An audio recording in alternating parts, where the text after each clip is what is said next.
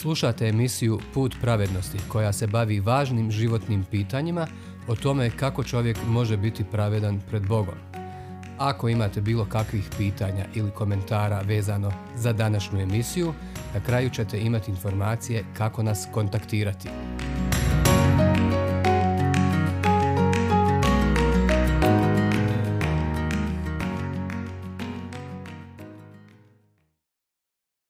Samuel Šaul i David. Prva Samuelova knjiga od 1. do 16. glave i Psalam 23.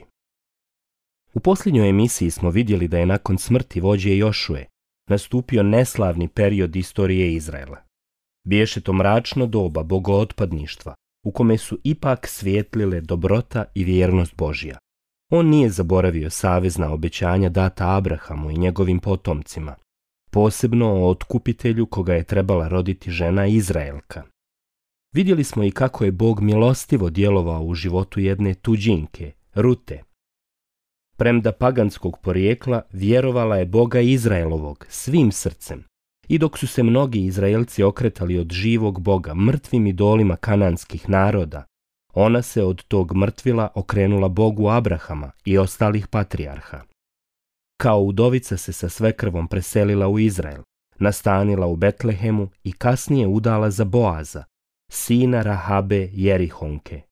Rodili su Obeda, koji je kasnije postao otac Išaja, oca proroka i kralja Davida. Sve to je bio Božiji plan otkupljenja Adamovih potomaka, spasenja od njihovih grijeha. Naime, po Davidovoj lozi će doći otkupitelj sveg svijeta, a rodit će se baš u tom se ocetu, u Betlehemu. Danas ćemo reći nešto o tome kako su Božiji proroci pisali o ovim budućim događajima i kako će sve to vijekovima kasnije ispuniti baš on, otkupitelj. Samo Bog može pisati istoriju prije nego se dogodi. David je jedan od najviđenijih likova svetog pisma. Spominje se po imence više od hiljadu puta. Znate li ko je on? Možda ga znate po onoj čuvenoj pobjedi nad Golijatom, kada je tog diva srušio jednim kamenom svoje praćke. Ili ga znate kao najslavnijeg vladara i proroka koji je napisao mnoge psalme. Ako znate sve to, dobro je, ali to svakako nije sve o njemu. Recimo, ako znamo da je bio veliki vladar, a ne znamo zašto, to baš i nije neko znanje, zar ne? Ili ako znamo da ga je Bog nadahnuo kao autora dijela pisma, a ne znamo tu poruku, ni to nam nije mnogo od koristi. Prijatelji, ako želite više saznati o ovom proroku ili čuti neke divne i silne riječi koje je napisao kao psalmista, onda vas pozivamo da ostanete s nama u narednim minutama, ali i u narednih pet emisija.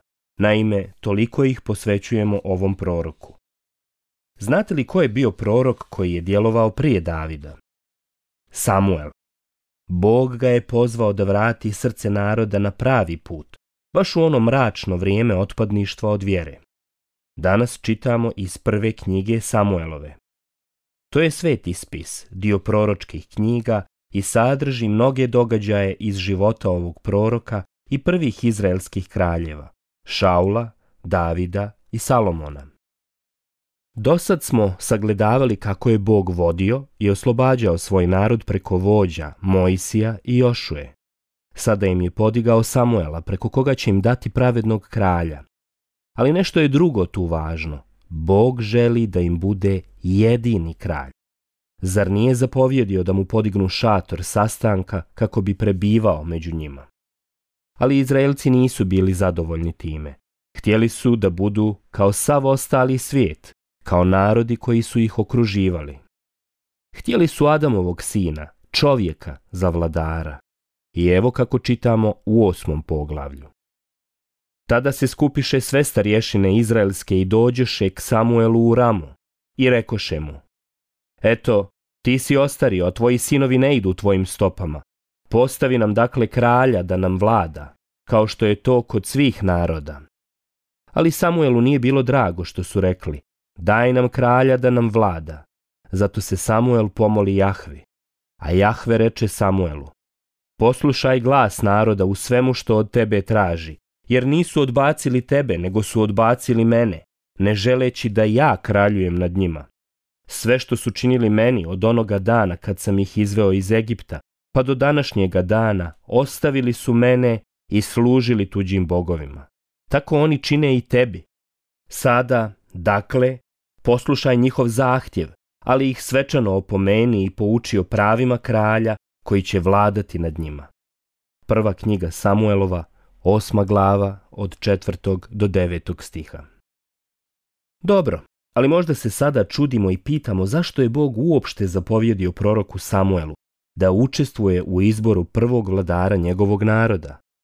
A jasno im je rečeno da mimo Boga nemaju kralja. Međutim, ovim zahtjevom narod jasno odbacuje Boga i on ih prepušta sobstvenom izboru. Ne želi vladati njima na silu.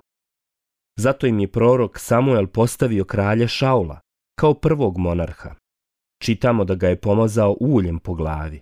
Prva Samuelova, deseta glava, prvi stih. To je bio ritual postavljenja u službu vojstva. Tako su se ozvaničavali proroci, sveštenici i vladari. Ulje na glavi je bilo znak da su sada u božanskoj službi. I kod pomazanja Šaula čitamo. Tada Samuel reče svemu narodu.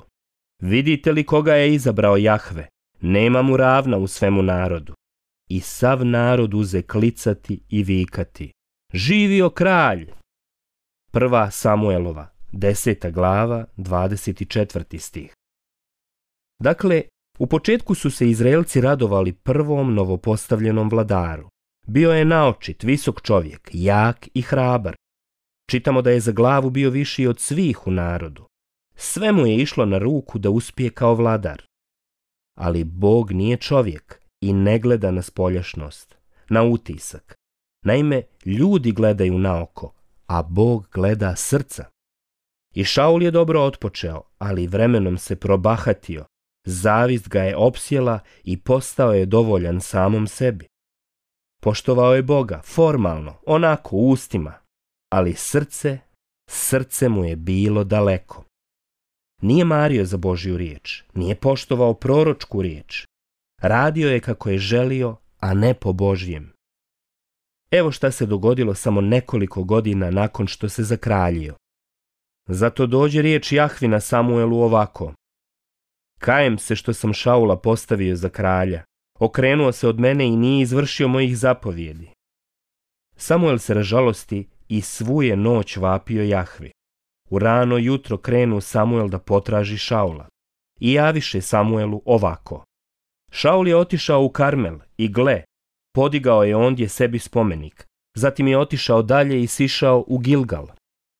Kada je Samuel došao k Šaulu, reče mu Šaul, Blagoslovljen da si od Jahve, izvršio sam Jahvinu zapovjed. A Samuel odvrati. Jesu li Jahvi milije paljenice i klanice nego poslušnost njegovu glasu? Znaj, poslušnost je vrednija od najbolje žrtve. Pokornost je bolja od ovnujske pretiline. Nepokornost je kao grijeh čaranja. Samovolja je kao zločin sidolima. Ti si odbacio riječ Jahvinu, zato je Jahve odbacio tebe da ne budeš više kralj. Prva knjiga Samuelova, 15. glava, od 10. do 13. stiha, 21. i 23. stih. Ovako je prorok govorio kralju, a dalje čitamo ovako. Jahve reče Samuelu, dokle ćeš tugovati zbog Šaula, kad sam ga ja odbacio da ne kraljuje više nad Izraelom?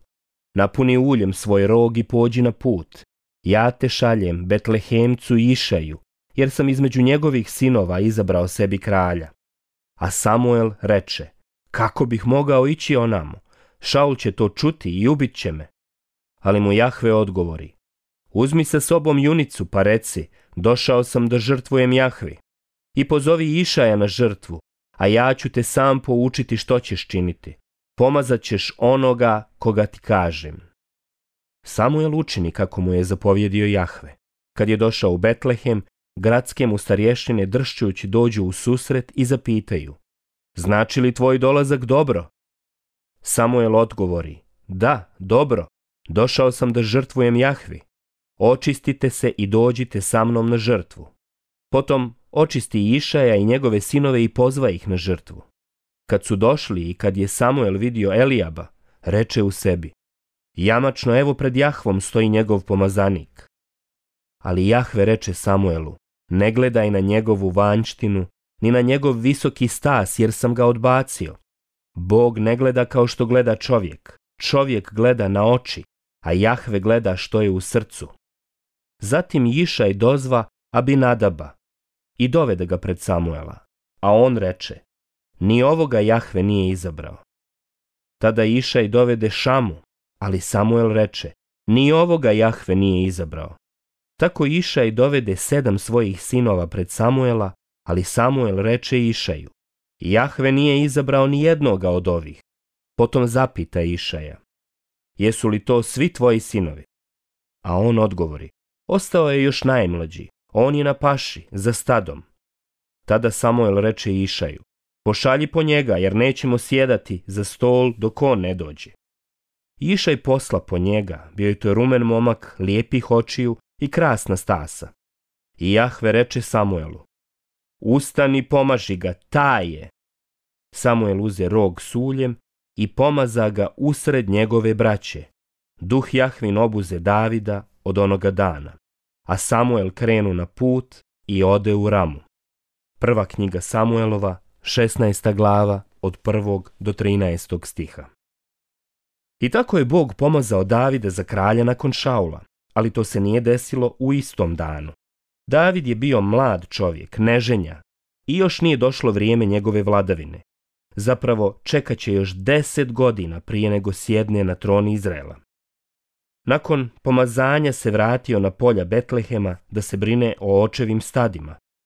U tom poslu je bio pošten i hrabar, Nikoga i ničega se nije bojao jer je vjerovao u Božju zaštitu. Zato je smio i lavu stati na put. Čitamo kako sam o tome govori. Kad bi došao lav ili medvjed te uhvatio ovcu iz stada, ja bih potrčao za njim, udario ga i istrgao mu ovcu iz ralja. A ako bi se on digao name, uhvatio bih ga za grivu i udarao ga, dok ga ne bih ubio. Prva knjiga Samuelova, 17. glava, 35. stih. David ne samo da je bio dobar u pastirskom zanatu, već je bio i dobar muzičar, pjesnik. Svirao je harfu i komponovao je. Napisao je mnoge psalme, hvalospjeve u vrijeme kada je bio potišten, uplašen, radostan i ushićen. Tim pjesmama je prorokovao i o Mesiji koji bi tek trebalo da dođe. Sve to imamo u knjizi psalama, o kako je silno volio Boga i njegovu riječ. Knjiga psalama sadrži 150 pjesama. David ih je napisao oko pola. Današnji program želimo završiti jednim od svakako najpoznatijih. To je psalam 23, koji oslikava gospoda kao dobrog pastira. U njemu je ovaj čovjek opisao svoj odnos s Bogom, svoju vjeru, nadu i pouzdanje.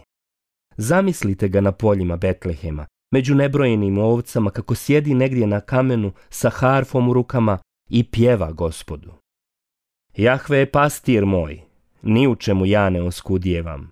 Na poljanama zelenim on mi daje odmora. Na vrutke me tihane vodi i krijepi dušu moju. Stazama pravim on me upravlja radi imena svojega.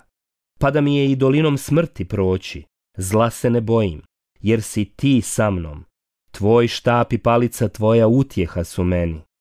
Trpezu predamnom prostireš na oči dušmanima mojim. Uljem mi glavu mažeš, čaša se moja prelijeva. Dobrota i milost pratit će mene sve dane života moga. U Jahvinu ću domu prebivati kroz dane mnoge. Psalam 23. Amen. U narednoj emisiji govorimo o neobičnom nadmetanju koje se odigralo između mladog Davida i gorosta sa Golijata. Bog vas blagoslovio dok razmišljamo o onome što je rekao Samuelu. Ali Jahve reče Samuelu, ne gledaj na njegovu vanjštinu, ni na njegov visoki stas, jer sam ga odbacio. Bog ne gleda kao što gleda čovjek. Čovjek gleda na oči, a Jahve gleda što je u srcu. Prva knjiga Samuelova, 16. glava, 7. stih.